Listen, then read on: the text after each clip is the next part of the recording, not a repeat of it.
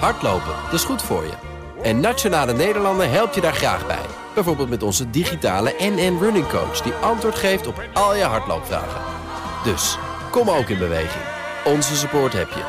Kijk op nn.nl slash hardlopen.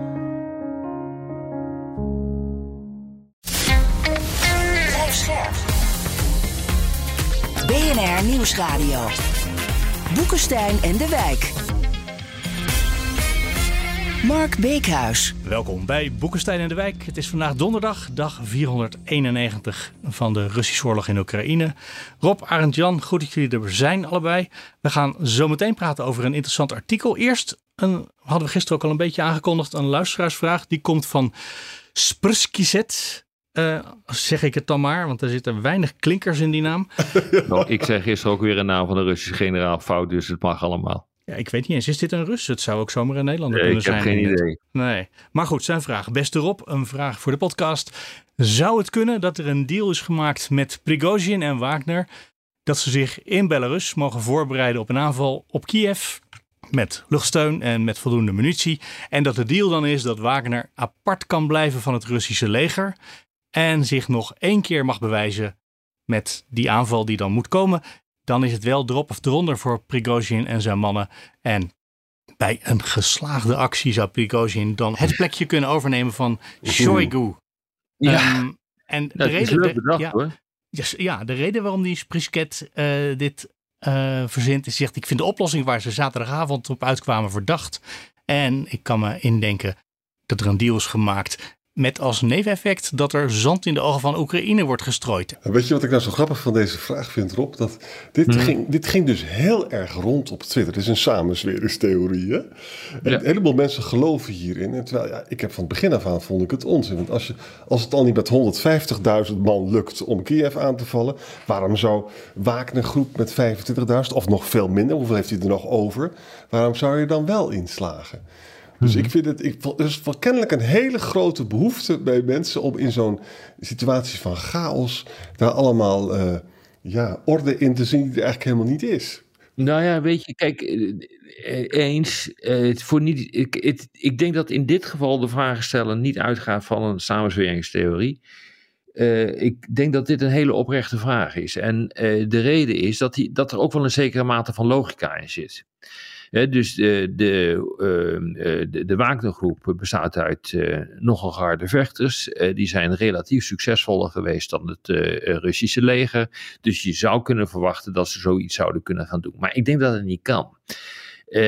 gewoon ook technisch niet. volgens mij is Wagner gewoon te klein om dat voor elkaar te krijgen. Zeker het deel van Wagner dat mee is gegaan naar uh, naar Belarus. We weten niet precies hoeveel het er zijn, maar getallen van pakweg 4000 worden op dit ogenblik genoemd. Dat is echt onvoldoende om daar iets mee uh, te kunnen doen. Dus uh, wat je nu ziet is dat Lukashenko, de baas van eh, Belarus, die zegt van kijk, ik kan die Wagnergroep ontzettend goed gebruiken als een soort middel om ehm, mijn eigen krijgsmacht op orde te brengen. ze kunnen proberen, die Wagner-soldaten, om uh, de ervaring die ze hebben over te dragen op mijn eigen krijgsmacht. Want wij hebben helemaal geen ervaring met grootschalige gevechtsoperaties. En hij kan, en daar hebben we het gisteren ook over gehad, Wagner proberen uh, in te zetten om toch wat losser van Rusland te, te komen. Want hij heeft natuurlijk nu een vijand van uh, Poetin in huis uh, gehaald. En dat vindt Poetin weer niet leuk. En ja, op die manier kan hij zich mogelijkwijs beschermen tegen al te assertieve Poetin. Dus ik denk ook gewoon dat het, dat het niet kan. Ja, wat ik interessant vind is dat Poetin zei dinsdag dat bedrijf van Prigozhin heet Concorde. Hè? Mhm. En ze gaan daar nu een corruptieonderzoek naar doen. Dus volstrekt duidelijk dat Poetin op zoek is naar argumenten om die man aan te pakken. Ja, dat wint hij dus. Dat eh, vinden ze altijd. Want dat vind je altijd in Rusland namelijk. Ja. Het is ook zo dat Prigozhin nog steeds heel veel geld verdient uh, met uw Wagner-troepen in ja. uh, Afrika. Hè? Dus dat is, die man is niet zonder geld. Hè? Nou, stel je nou eens voor dat er dus een soort standoff komt tussen Poetin en Prigozhin. En Prigozhin voelt zich in het nauw. Ja, dan kunnen er gekke dingen gebeuren. Hè? Uh, Lukashenko zegt vandaag van nou, eh, de Prigozhin mag helemaal niet bij de kernwapens komen hoor. Dat is uh, allemaal heel goed afgeveiligd. Nou, dat is, dat is misschien wel iets dat hij gaat doen als hij zich echt in doodsnood bevindt. Hè? Dus ik kan mij wel eerlijk gezegd wel voorstellen dat in Polen en de, de Baltische Staten over al dit soort dingen wordt nagedacht. Ja, zeker. Maar dan heb je geen deal tussen Poetin en Prigozhin. Nee, als je nu beschrijft. Nee. nee dus dit, dus gaat gewoon, uh, dit gaat het niet worden. Het kan niet. Nee, dat gaat het niet worden. het is niet logisch, zegt ook Arend Jan. Laten we dan naar dat artikel gaan. Arend Jan kwam weer met een stuk uit de Foreign Affairs aan. Ja. Uh, dat gaat aan de andere kant. Stel je nou voor dat niet Prigozhin het veld moet ruimen, maar dat Poetin het, uh, het einde mee gaat maken. The beginning of the end of Putin? Vraagteken is de titel van dat stuk. En uh, de ondertitel is dan uh, Putin's rebellion ended quickly, but it spells trouble for the Kremlin. Dus de conclusie van het stuk is eigenlijk van dit is dan mislukt, maar zelfs een niet succesvolle opstand plant de zaden voor toekomstige opstanden. Dat is eigenlijk wat dat stuk laat zien, hè, met ook hele mooie historische vergelijkingen. Nou, wat zegt hij nou eigenlijk? Kijk, in Syrië en ook op de Krim 2014 toonde Poetin zich echt een capabele strateeg die dingen voor elkaar kreeg. Hè? Alleen die invasie van 2022, dat was natuurlijk eigenlijk gewoon onzin. Want Oekraïne bedreigde uh, Rusland helemaal niet. Dus met andere woorden, we kunnen hem niet meer zien als een hele capabele stratege eigenlijk. Hij heeft wat van zijn status uh, verloren. Hè? Nou, er komt bij dat Poetin is natuurlijk, heeft het monster van Frankenstein, Prigozhin natuurlijk zelf gecreëerd. Hè? En dat is natuurlijk out of control uh, geraakt. Hè? Nou, waarom is het zo dat Poetin, Poetin verzwakt is? Hij is eigenlijk bezig met minachting voor de gewone man. Want het is namelijk de niet-elite, de gewone man, die moet vechten. En de elite in Moskou en Sint-Petersburg zit droog. En Prigozhin die kwam natuurlijk op voor de gewone man. Je ziet dus dat Prigozhin echt een hefboom had gevonden. Eh, en daar had hij ook enig succes mee.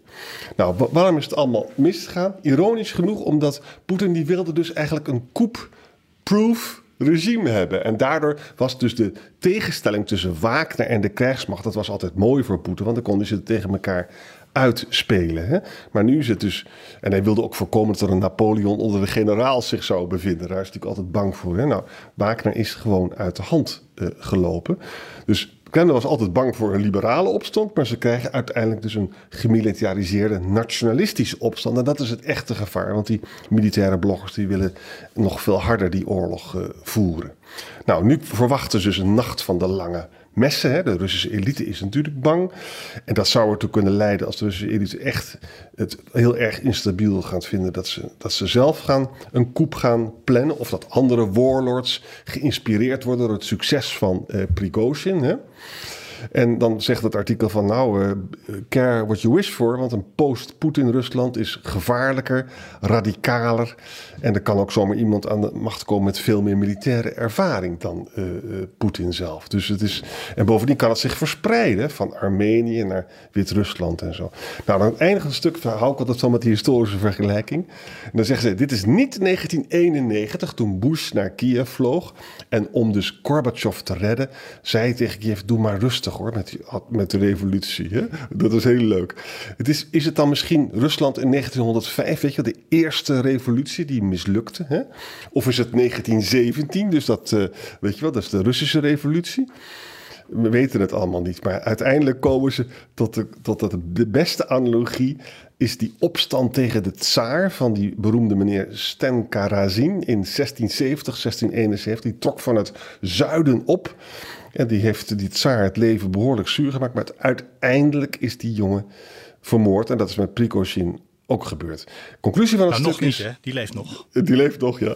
Conclusie van het stuk is... zelfs een niet succesvolle opstand plant de zaden voor toekomstige opstand. En daar geloof ik zelf ook wel in. Ja, daarmee is het ook een oproep om ons daarop voor te bereiden dat er hierna iemand anders zal komen die nou, waarschijnlijk vervelender wordt voor ons. Hè? Maar ja, dan moet, je, dan moet je dus wel weten tegen wie dit nou een opstand was. Dit was geen koep, dit was een muiterij. Daar is nou iedereen de slagschal over eens. En als ik dit stuk eh, goed lees, dan wordt er toch nog gedacht dat het een koeppoging was. Dat is het denk ik niet. Uh, het was van meet af uh, duidelijk dat het niet om, om, om Poetin ging, maar om Shogui. en in mindere mate met Gerasimov. en het zou mij niet hebben verbaasd als Prigozhin zich als de nieuwe Shogui zou zien. Dus de minister van, van Defensie. hij is geen generaal, dus hij kan nooit uh, Gerasimov opvolgen. Nou, hij kan toch gewoon generaal gemaakt worden? Dat is gewoon een kwestie van iemand in dienst nemen. Ja, dat, eh, dat, kan, uh, dat, dat zou in uh, uitzonderlijke gevallen mogelijk zijn. Maar in principe is de minister van Defensie veel belangrijker dan, ja. dan de generaal. Dus um, Prigozhin die was dan voor de belangrijkste functie gegaan. Dat was, dat was uh, dat was niet Gerasimov, denk ik. En realiseer, het zijn altijd vrienden geweest. Hè? Prigozhin was uh, Poetins chef. Die was de cateraar van het Kremlin, om maar zo te zeggen. En die konden goed met elkaar. En uh, ja, ze zijn eigenlijk als twee bijna maffiabazen zijn zijn eigen weg uh, vervolgens gegaan. Met, en dit was de apotheose van de strijd die ontstaan is toen uh, Prigozhin niet meer loyaal was aan, aan Poetin. Dus nee, dit is echt een, dit is een muiterij geweest. Ehm, die natuurlijk wel de positie van ehm, uh, onze grote vriend Poetin ondermijnt. Want als het zo is uh, dat Poetin uh, zijn legitimiteit ontleent aan het feit dat hij voor veiligheid en welvaart moet zorgen intern, nou dan heeft hij hier wel wat steken laten vallen hoor. En wat ik ook zo interessant vind, het, deze hele events laten de rotheid en de corruptie van die, van die samenleving zo goed zien. Je moet je voorstellen, Prigozhin had dus ook een cateringsdeal met, het, met de krijgsmacht, waar hij veel te veel geld voor kreeg, weet je wel. Uh, hij zegt zelf over Shoku en Gerasimov dat ze ook een zakken waren aan het vullen in de Donbass. Als dat allemaal waar is, jongen, dan is dus alles is gewoon corrupt in het land. Hè? Je kunt niks meer vertrouwen.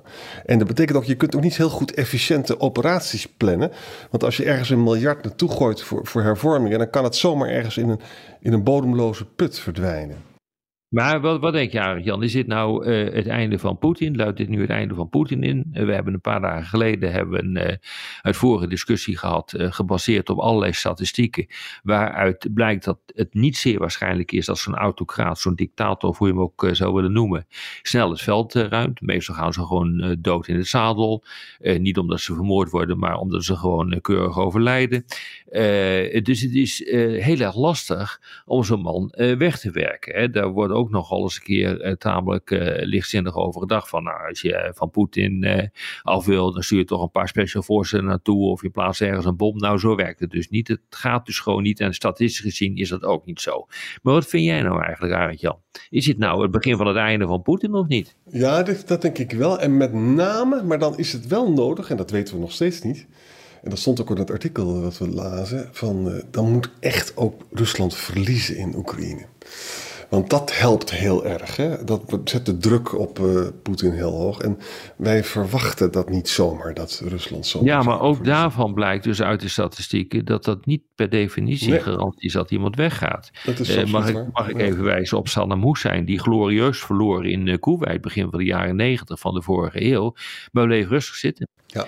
Dus op het moment dat iemand gewoon niet, laten we zeggen, uit het zadel wordt gebombardeerd, dan is het heel erg lastig om ja. uh, om hem te verwijderen. want, en, een, en een oorlog, zolang als die oorlog uh, duurt, een, een, oorlog heeft het vervelende effect dat uh, iedereen zich eigenlijk verenigt achter de leider. Die dan vervolgens gaan roepen: Ik heb te maken met een geweldige dreiging van buiten. En dat heet in dit geval de NAVO. Ja, veel mensen geloven dat toch. Maar Rob, als nou in die elite men zich helemaal niet zo veilig voelen en achter de leider willen scharen. Dat zagen we met uh, de, wat we gisteren ook even benoemden, dat de vliegtickets Moskou uit heel duur werden. Er zijn ook veel mensen die geld opgenomen bij de bank mm. uh, schijnen te hebben. En uit dit artikel dan, uh, wat dan misschien Prigozhin nu niet gelukt is, maar er kan hierna maar iemand anders komen die er wel een koep van wil maken. Uh, die ook een leger op de been weet te krijgen. Of misschien al een warlord ergens in de regio is. En die wel een politiek verhaal heeft. Wat Prigozhin helemaal niet had. Dat zou wel in gang gezet kunnen worden. Dat je zeg maar de inspiratie gebracht hebt nu. Ja, en, oh ja, in theorie is alles mogelijk. De, ik ben de laatste die zeggen dat dat niet het geval is. Maar elke warlord die weet dus het volgende. Dan moet je je voorstellen. Er kan dus een kolom optrekken tot 200 kilometer voor Moskou. Vervolgens gaat dan dus de krijgsmacht proberen die kolom weg te varen. Dat lukt de krijgsmacht niet. Het lukt de krijgsmacht wel om Moskou te beschermen. Daar was had Prigozhin verloren. Maar dat je zo ver kan komen dat die krijgsmacht zo inadequaat heeft gereageerd. Hè, met die zeven gevechtshelikopters en één vliegtuig dat moet toch heel veel nou mensen. Ja, volgens mij ging het om de Nationale Garde door, de veiligheidstroepen. En in mindere mate om, uh, de, krijgsmacht. de krijgsmacht. Van, uh, uh, want die krijgsmacht die is er voor de landsverdediging. En de Nationale Veiligheidsgarde. die is er feitelijk voor de binnenlandse veiligheid. Het is ook een grote club hoor, 350.000 man. Ook voorzien van zeer zware wapens, inclusief tanks. Dus daar moet je ook niet mee, mee in aanraking zien te komen. Hoewel, hoewel echt heel erg adequaat hebben ze het niet gedaan. Nee, en Surovikin is overigens de hoofd van de luchtmacht. Dus de man die dus, die zelf misschien heeft meegewerkt, die heeft toch die gevechtshelikopters gestuurd. Tenzij de Nationale Garde dat heeft geëist. Maar in ieder geval, wat we weten is dat Poetin zelf nu zegt: Ik wil dat de Nationale Garde beter bewapend wordt. Ja, dat klopt. Ja, en als dat zo is, dat gaat indirect ten koste van de inzet uh, in de Donbass. En in het zuiden. Dat, dat hoeft niet. Kijk, realiseer, realiseer je dat die reserves al groot zijn hoor, op dat uh, gebied in, in Rusland. Eh, het probleem zit hem in belangrijke mate gewoon met, eh, eh, op het gebied van de munitie. Ja, dat is ook zo. Maar het blijft gewoon krankzinnig dat Prigozhin niet is weggevaagd. Misschien wilde Poetin er geen martelaar van maken. Kan ook nog. Hè? Ja, dat wordt ook wel gezegd. Dat is ook een goed punt. Ja. Maar Rob, dat is, zo, dat is hoe het nou rommelt. Is dat niet, zie je niet dat dat misschien, dat, als het rommelt, heeft dat niet de neiging om altijd meer rommel te worden en meer chaos op te leveren? Nee, want een, nee dat hoeft niet. Het kan langzaam weer in het hok teruggeduwd worden. Natuurlijk, want de neiging van een een autocraat die ehm, aan de macht is eh, gekomen met listen en bedrog en vervolgens de repressie heeft, toe, uh, heeft aangeschroefd, die zal reageren met meer repressie. Dus mijn voorspelling is dat in ieder geval Poetin de repressie de komende tijd zal opschroeven en zal proberen om een zekere mate van zuivering door te voeren ehm, in, ehm, in eigen land. Dat, dat is het meest waarschijnlijke. Of hij daarin slaagt, dat is natuurlijk een hele andere zaak. Maar dat is wel het meest waarschijnlijke scenario dat je op dit ogenblik uh, kan verwachten. Weet je, even op dit laatste punt van. Uh, er stond in dat artikel wat we dinsdag ook gedaan hadden van uh, meer repressie. Hè. Dat leidt nog tot nog meer repressie. Want als je namelijk dat niet doet, dan toon je je zwak. En dat kan dan weer tot heel veel vrevel leiden. Maar de ellende is dat Saddam Hussein bewijst. En ook Noord-Korea bewijst. En Iran ook dat eindeloze repressie eh, toch heel goed opstanden voorkomt. Hè? Ja, zeker. Dat werkt prima hoor. Ja, dat werkt prima. ja, ik zeg dat cynisch. En dat is ook cynisch uh, bedoeld. Maar het werkt inderdaad, uh, het werkt inderdaad prima. Ja, laat het in Den Haag maar niet horen op. Nou ja, wij zijn een democratie. Eh, daar krijg je dat niet voor elkaar. Onze instituties en de checks en balances, die zijn zo dat het heel erg lastig is om dat te organiseren. Het wil niet zeggen dat sommige politici dat best een aantrekkelijk idee eh, zouden vinden. Want die kijken soms likkendbaardend ook naar autocraat Poetin. Van dat is toch eigenlijk wel een mooi systeem wat ze hebben met fantastische waarden. Dus dat bestaat allemaal.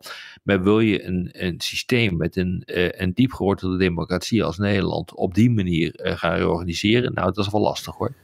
Ja, nou, dat is een geruststellende gedachte. Ja, dat is zeker een geruststelling. Um, dan zijn we er voor vandaag. Vind ik wel. Morgen verder. Tot dan. Oké. Tot morgen. Hardlopen, dat is goed voor je. En Nationale Nederlanden helpt je daar graag bij. Bijvoorbeeld met onze digitale NN Running Coach... die antwoord geeft op al je hardloopvragen. Dus, kom ook in beweging. Onze support heb je. Kijk op nn.nl slash hardlopen.